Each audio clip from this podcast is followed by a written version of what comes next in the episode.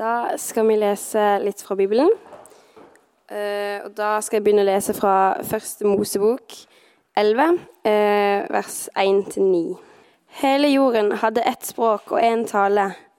Det skjedde da de var på reise fra øst, at de fant en slette i Sienaland og slo seg ned der. Så sa de til hverandre, Kom, la oss lage telgstein og brenne dem godt. De brukte telg som stein, og de brukte jordbekk som mørtel. Så sa de, Kom, la oss bygge en by og et tårn som rekker helt opp til himmelen. La oss gjøre oss selv et navn, så vi ikke blir spredt utover hele jordens overflate. Men Herren kom ned for å se byen og tårnet som menneskene hadde, menneskenes barn bygde. Herren sa, Se, folket er ett, og de har alle ett og samme språk. Dette er hva de begynner å gjøre. Nå blir ingenting umulig for dem av alt de vil sette seg for å gjøre.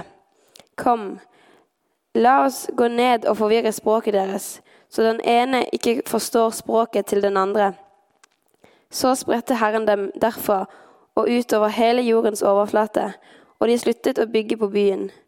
Derfor ble det kalt Babel, for der forvirret Herren språket for hele jorden, og derfra spredte Herren dem ut over hele jordens overflate. Og så leser vi fra Johannes 14, vers 23-29. Jesus svarte og sa til ham, Hvis noen elsker meg, vil han holde mitt ord, og min far skal elske ham, og vi skal komme til ham, og vi skal ha vår bolig hos ham. Den som ikke elsker meg, holder ikke mine ord, og ordet som dere hører, er ikke mitt, men Faderens, Han som har sendt meg. Alt dette har jeg talt til dere, mens jeg ennå er hos dere. Men talsmannen, Den hellige ånd, som Faderen vil sende i mitt navn, han skal lære dere alle ting og minne dere om alt det jeg har sagt dere. Fred etterlater jeg dere. Min fred gir jeg dere. Ikke som verden gir, gir jeg dere. La ikke deres hjerte forferdes, og la det heller ikke gripes av frykt. Dere har hørt at jeg har sagt til dere, jeg går bort og kommer tilbake til dere. Dersom dere elsker meg, ville dere glede dere fordi jeg sa, jeg går til Faderen, for min far er større enn jeg. Nå har jeg fortalt dere, det, fortalt dere det før det kommer, så dere kan tro når det kommer. La oss sammen be. Gode Gud, takk for det ordet som du har gitt oss. Vi ber oss om at du vil, med Den hellige ånd, la oss få åpne for å ta imot dette budskapet. Amen. Forvirring det er jo en eh, følelse som jeg tror de fleste av oss kjenner på. Ikke så greit hvis en gjør det. En definisjon av eh, forvirring som en kan finne på nettsida til NHI, det er at forvirring det er en type sinnstilstand hvor en mangler en orientering ut ifra en situasjon, ut ifra tid, ut ifra plass, eller òg manglende orientering ut ifra hans egen person. Og dette med Forvirring er jo noe som preger verden veldig mye i dag. Veldig mange typer forvirring. Og En kan jo gjerne tenke seg at hvorfor er det sånn når en har så god tilgang til kunnskap? For er det ikke sånn at kunnskap skal hindre forvirring? Men sånn som det er i dag, så kan jo også kunnskap eller informasjon være noe som fører til forvirring for folk. En har jo f.eks. denne krigen i Ukraina, hvor du har én side i denne krigen som sier at denne krigen har en bestemt årsak og forteller at det som skjer, det er dette som skjer nå. Og så har du en annen side i krigen som forteller noe som er helt stikk motsatt. Så forvirring er noe som en har absolutt til stede i denne krigen og i mange andre situasjoner.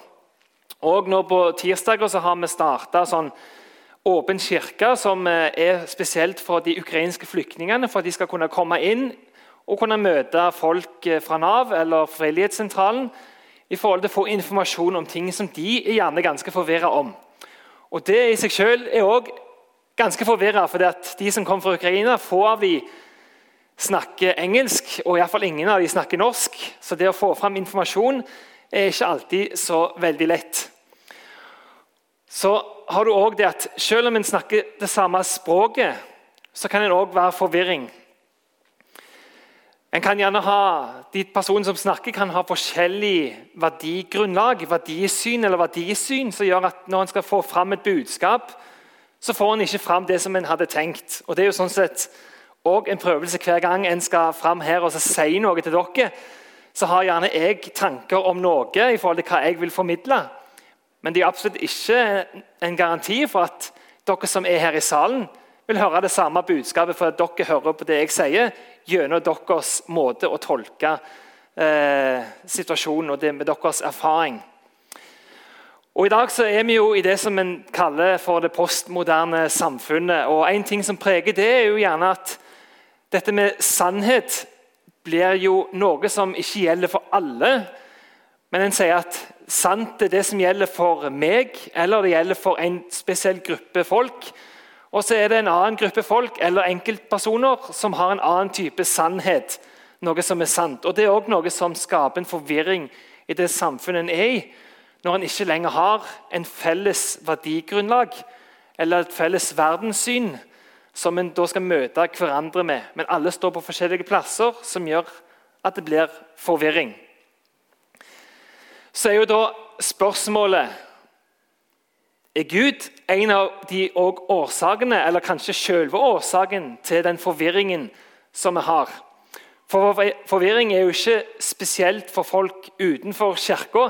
Folk innenfor kirka er òg like mye forvirra i ulike ting. Kjersti har jo lest to bibeltekster eh, for oss. Den første er fra Det gamle testamentet, som handler om dette tårnet i Babel. Og Det er fra denne historien du får det her uttrykket 'babelsk forvirring'. I denne historien så møter du en gruppe mennesker som ønsker å bygge seg et svært tårn eller et samfunn uten Gud. Og Så ender det opp med at Gud i denne historien stiger ned blant menneskene og stopper dem i forhold til å gjøre dette prosjektet, som gjør at de får ulike språk og blir spredt ut over jorda. Den andre historien vi har lest om, er jo når Jesus snakker om Den hellige ånd som skal komme. Og Den hellige ånd er jo forbundet med den dagen som vi feirer og markerer i dag, pinse.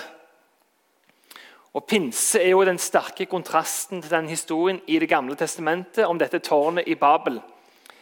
I historien om tårnet i Babel så blir folk spredt utover, men i pinsen er det at folk blir samla.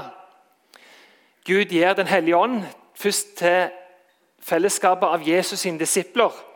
Og Det ender opp med at en av dem, Peter, han går ut hvor det er en haug med folk fra ulike nasjoner, med ulike kulturer og ulike språk, som er samla i hovedstaden i Israel på den tida, i Jerusalem, for å markere pinse. Og da, Når han gjør det, så forteller han alle som er der, historien om hvem Jesus er, hvorfor han kom, og hva betydning det har for den enkelte.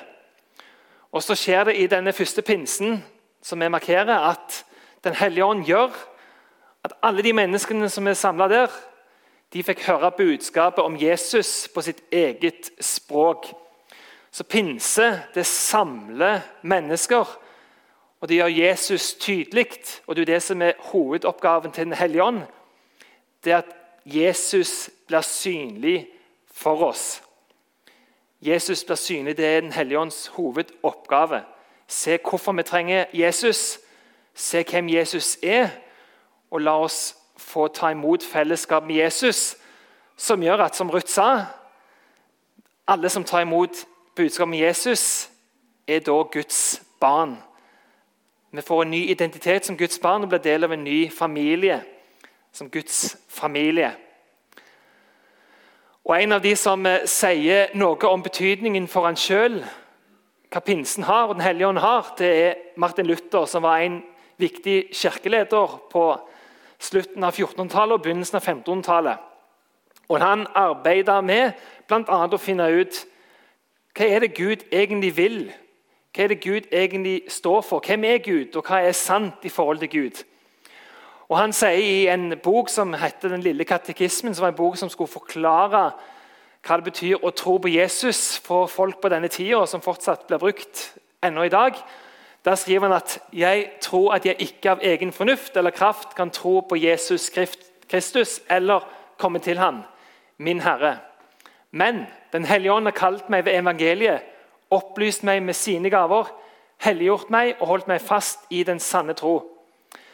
På samme måte kaller, samler og opplyser og helliggjør han hele den kristne kirke på jorden og bevarer den hos Jesus Kristus i den ene sanne tro.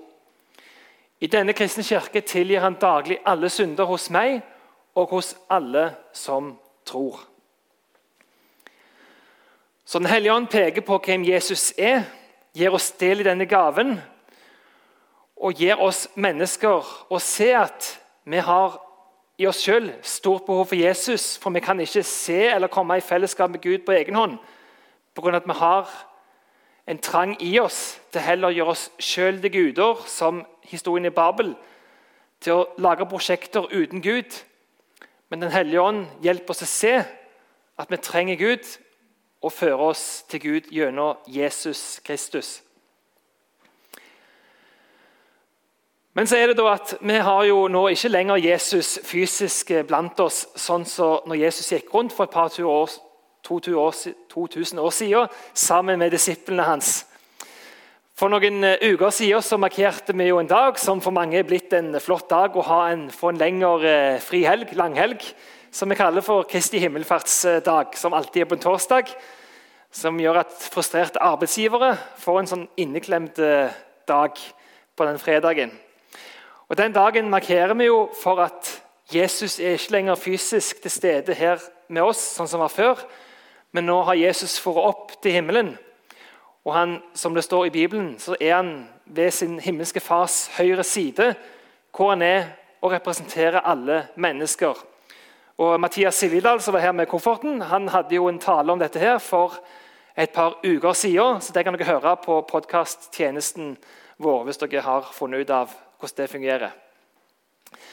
Men hvordan kan en da få vite og bli kjent sånn konkret med Jesus i dag. altså Vite virkelig hvem han er, og hva han mente, og hva som er Guds vilje for livene våre. Forfatteren av ei bok i Det nye testamentet som heter Hebreerne, for en vet ikke helt hvem forfatteren er, han skriver i dette brevet at mange ganger og på mange måter har Gud i tidligere tider talt til fedrene gjennom profetene. Men nå, i disse siste dager, har han talt til oss gjennom Sønnen. Så det som han snakker om her, det er at Den hellige ånd, som peker på Jesus Han har fra begynnelsen av pekt på Jesus ved å bruke mennesker som vi kaller for profeter. Det høres ut som noe fra Star Wars eller Ringenes herre. Men det var personer som har fått en spesiell oppgave fra Gud til å formidle budskap om hvem Gud er, og hva hans vilje er for mennesker i den samtida og framover. Og Han sier at nå har han også talt til oss gjennom Sønnen. For dette med hva er Guds ord og Sønnen, har en nær kobling. Og Det kan en lese om i den aller første boka til en som heter Johannes, som en tror var en av Jesu disipler. Han skriver i begynnelsen at ordet ble menneske og tok bolig iblant oss, og vi så hans herlighet. En herlighet som enbårne sønn har fra sin far, full av nåde og sannhet. Guds eget ord, det Gud sier, det er vist oss gjennom en person, gjennom Jesus. Guds vilje er ikke først og fremst vist oss gjennom ei bok som kom dalende ned fra himmelen, eller steintavler, eller hva det måtte være. Det er først og fremst formidla til oss gjennom en person, Jesus. Så Det som den kristne trua er basert på, det er først og fremst ikke læresetninger, men det er en relasjon med en person, Jesus Kristus, som er Gud sjøl. En professor emeritus som heter Ane Retze, skriver derfor at Gud ønsker primært å møte oss i en personlig relasjon kontra lære. For Gud stiger ned til oss, gjør seg kjent til oss gjennom Jesus. Men igjen, hvordan er det dette her skal henge sammen i forhold til i dag? da? For vi har jo ikke Jesus fysisk gående sånn som de hadde for 2000 år siden. Kirka, etter at Jesus hadde stått opp altså fra de døde, og at han hadde steget opp til himmelen på himmelfartsdagen, tok vare på historiene om Jesus, først og fremst muntlig. At Den kulturen Jesus levde i, det var en muntlig kultur. Hvis det var noe viktig, så tok de vare på dette muntlig. fordi at Kanskje litt rart for oss, for vi er jo sånn at hvis vi hører om noe viktig, så skriver vi det ned med en gang. Men på den tida der så var det tvert imot. Noe pga. at papir og sånt det var ikke lett tilgjengelig, det var veldig dyrt. Men òg fordi at de tenkte at det var større mulighet for at en tok vare på noe som var sant, ved at en pugga dette her som et fellesskap.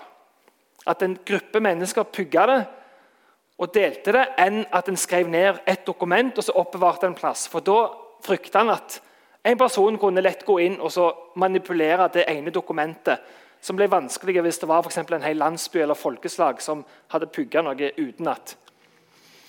Men så skjedde det jo da at etter de første generasjonene kristne, de som var første generasjons kristne, etter hvert døde ut, og Spesielt ut ifra at de ble forfulgt. altså Mange av de ble jo drept for det at, det at de hevda at Jesus var Gud, ble jo ikke akseptert godt på denne tida.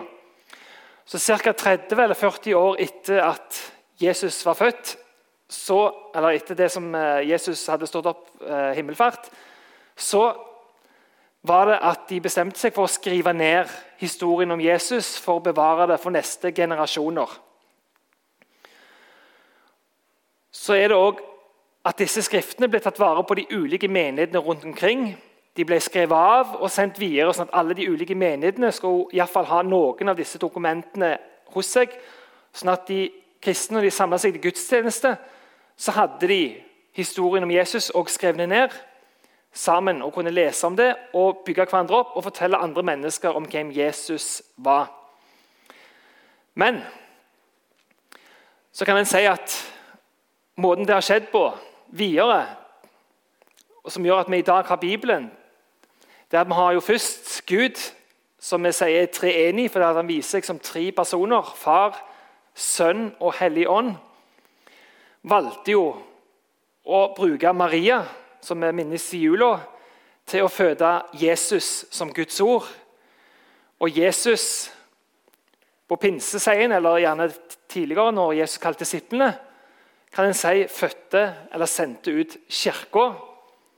Og så er det Kirka som dermed tok vare på historien om Jesus, og som etter hvert ble til Bibelen, som vi har i dag. Og Grunnen er til at de valgte å skrive de valgte først å skrive ned, men så valgte de også å si at vi må bestemme noen av alle de skriftene er det som er gjeldende, som skal utgjøre Bibelen, og hva er det som ikke skal gjøre det. Og Grunnen til det, det var at etter hvert så kom det grupper inn i menighetene som hevda at de hadde hemmelig overlevering eller hemmelige skrifter gitt de av Jesus sjøl. De hevda det og sa at nei, det som dere har lært fra begynnelsen av, det gjelder ikke. Vi har, fått, vi har tatt vare på dette her i noen hundre år. Det var helt hemmelig. Det var bare oss, denne gruppa, som skulle få denne her budskapet fra Jesus. Men nå skal dere få se. Dette her er sånn som dere bør lære å holde på. Og på grunn av det så valgte Kirka å sette ned kriterier i forhold til hva er det som utgjør Skriftene i Bibelen, og hva er det som ikke. For det at disse som kommer med nye tekster og nye skrifter. Og så har jo det historisk vitenskapelig vist seg at disse skriftene som de hevda var hemmelige skrifter, som de hadde hatt fra begynnelsen av, det er skrifter som var blitt skrevet mye seinere. Så de har ikke historisk nærhet til Jesus sjøl. Og så er det mye konspirasjonsteorier rundt det. Bl.a. filmene og bøkene om da Vinci-koden tar jo opp noe av dette. her. Men de kristne bestemte seg etter hvert for å møtes til et kirkemøte i 394 for å bestemme at dette her er det som skal utgjøre Bibelen. For det tenker, dette er det som er sannheten om Jesus. Da var det tre kriterier. Det ene var at det som Skriftene handler om, skal være i overensstemmelse med det som de aller første kristne snakket om. Så det kan ikke være noe som går imot det som de aller første kristne hadde tatt imot fra Jesus, og som hadde fortalt videre. Så det som ble skrevet ned, måtte være i overensstemmelse med det som hadde vært fra begynnelsen av. Det andre er at bøkene måtte være skrevet nært til, nært i forhold til tid, i forhold til Jesu liv. Og at de som skrev det, måtte også ha nær kobling til Jesus. Gjerne Jesu egne disipler eller øyenvitner i forhold til det som hadde skjedd. Og Det tredje er at bøkene som en skulle akseptere som en del av Bibelen, måtte være bøker som hadde vært brukt fra begynnelsen av i de ulike menighetene. fra begynnelsen av. Det kunne ikke være bøker som plutselig 200-300 år etterpå ble brukt. Så lander en da på Bibelen som vi kjenner i dag. Så samtidig, Selv om Kirka og de som da valgte ut skriftene, skrev ned skriftene, så tror vi òg at Den hellige ånd, som vi markerer spesielt i pinsen, er den som leder de første kristne til å velge ut disse skriftene. Og Den hellige ånd er den som leder de som skrev det de skrev, til å skrive nettopp det. At en tror at Bibelen, eget ord, er inspirert av Guds hellige ånd. De som skrev det.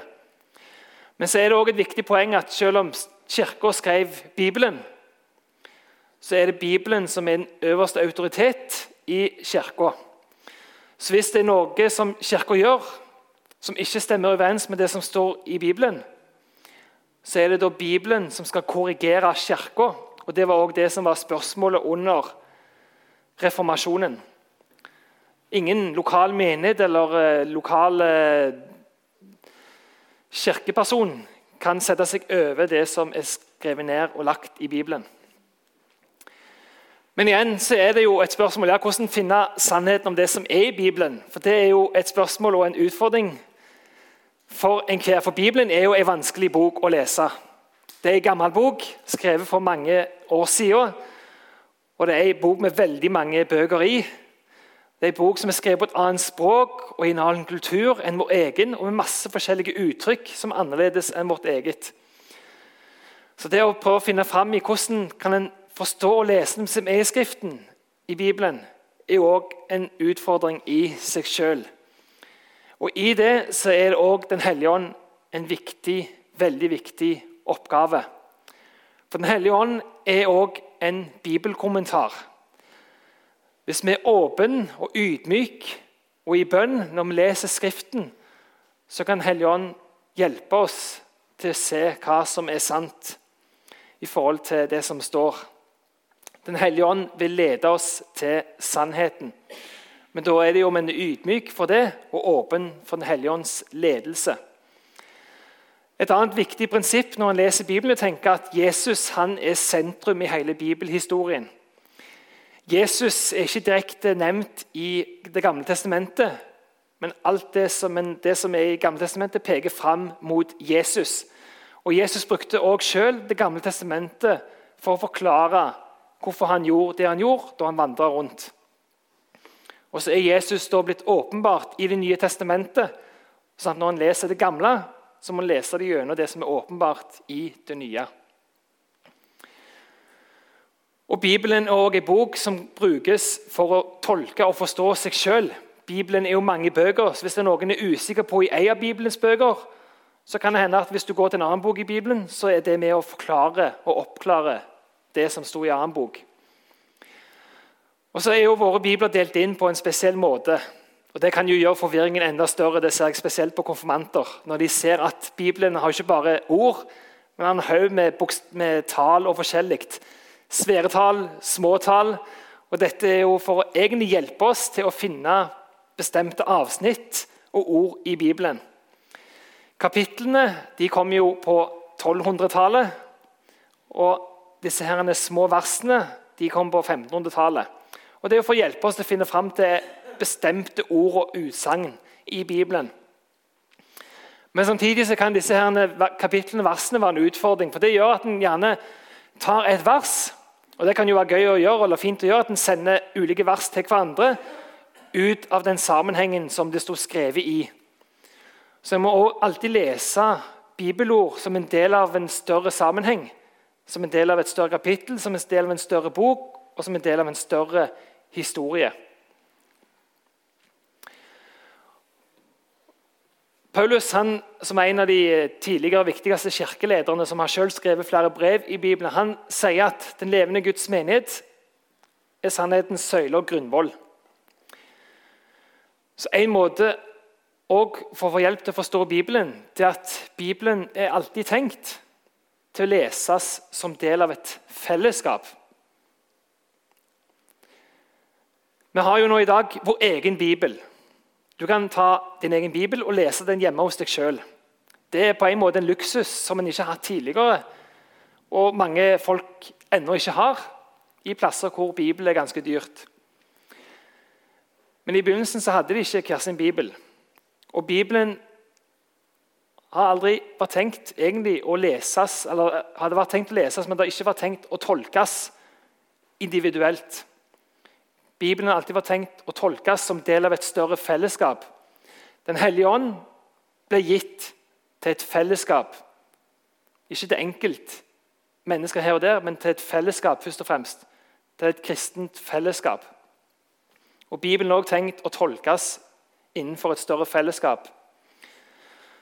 Og Det er ikke da bare lokal, og det er ikke da lokalmenigheten, men det er da fellesskapet fra kirka ble starta og over hele verden. Så Hvis det er noe Kirka har vært enige om i forhold til å forstå Bibelen fra begynnelsen av, verdensvidt, så er det at en da tenker at det er en rett måte å tolke og forstå det på, og det skal være til en hjelp. Så kan Den hellige ånd så klart gi nye åpenbaringer, men det vil ikke være på tvers med det som står i Bibelen klart, og ikke det som Kirka har vært enige om fra begynnelsen av. For Jesus har jo sagt at han vil bevare si kirke. Så hvis det, for, hvis det, gjelder, så kan ikke han ha ledet kirka til å gå en feil i mange tusen år. Og Et annet kriterium er er tolkningen som en kommer fram til noe som samler mennesker, eller noe som splitter mennesker. For pinse og Den hellige ånd handler om å samle. Det handler ikke om å splitte. Splitter det mennesker, samler det troende. Det er òg et kriterium. Så hvis det splitter, så er det mest sannsynlig noe som ikke er en rett tolkning. Så jeg hopper over det, for det var så langt. Et siste punkt er at Gud er alltid større enn oss sjøl, og det er det din illustrasjon handler om. Gud er alltid større enn vår forståelse. Ingen av oss greier fullt og helt å forstå Gud. Det er det som gjør Gud til Gud. Han er alltid større enn oss mennesker. Så Vi mennesker vil jo gjerne prøve å forstå Gud. og Da ender det gjerne opp med at vi setter han inn i en type boks. Men det å si at vi må ta Gud ut av alle boksene, det handler jo også egentlig om at vi bare tar Gud av én subjektiv boks inn i en annen subjektiv boks. Gud har gitt oss en åpenbaring om hvem han er, gjennom Jesus, og som er blitt bevart i Bibelen. Og Gud er en som ikke vil gå på akkord med seg sjøl. Gud går ikke imot sin egen person. Så Gud, er, årsak, er det Gud som er en årsak til forvirring som oppstår i denne verden, både blant folk utenfor og innenfor kirka? Eller har Gud gitt oss klart hva som er målet for livet vårt? Hva han ønsker for oss? Hva han ønsker for deg? Eller er det vi som i Babylon-historien bygger samfunnet vårt, bygger livet vårt uten Gud? Eller tar og danner Gud i vårt eget bilde? Har vi åpne hjerter, åpne sinn og åpne dører for den ledelsen som Den hellige ånd vil gi oss? Eller er det lukka? Jesus Kristus, som det står i Bibelen, står for døra di og banker. Hva er det du vil svare? Gode Gud, takk for at vi har fått litt kjent med deg gjennom Jesus. Vi ber deg om at du vil hjelpe oss til å holde fast på det fellesskapet med Jesus og med hverandre. Led oss ved Den hellige ånd til å leve livene våre etter din vilje. I Jesu Kristi navn. Amen. Så kan vi ta, mens de bytter om bak og reiser, så skal vi bekjenne det som heter den nikenske trosbekjennelsen. Som Jeg kan ikke akkurat si kortfatta, men det opptar og oppsummerer en del av det sentrale ved den trua som vi bekjenner, tror og lever i. Vi tror på én Gud, den allmektige Fader, som har skapt himmel og jord, alt synlig og usynlig. Vi tror på en Herre, Jesus Kristus, Guds enbårne Sønn, født av Faderen fra evighet, Gud av Gud, lys av lys, sann Gud av sann Gud, født, ikke skapt, av samme vesen som Faderen. Ved ham er alt blitt skapt, for oss mennesker og til vår frelse steg han ned fra himmelen. Han er blitt skjøt ved Den hellige ånd av jomfru Maria og er blitt menneske. Han ble korsfestet for oss, pint under Pontius Pilatus og gravlagt. Han oppsto den tredje dag etter Skriftene, for opp til himmelen og sitter ved Faderens høyre hånd. Han skal komme igjen med herlighet og dømme levende og døde. Og på hans rike skal det ikke være ende. Vi tror på Den hellige ånd, Herre og livgiver, som utgår fra Faderen og Sønnen, som med Faderen og Sønnen tilbes og forherliges og som har talt ved profetene. Vi tror på én hellig, allmenn og apostolisk kirke. Vi bekjenner én dåp til syndenes forlatelse og venter de dødes oppstandelse og det evige liv. Amen.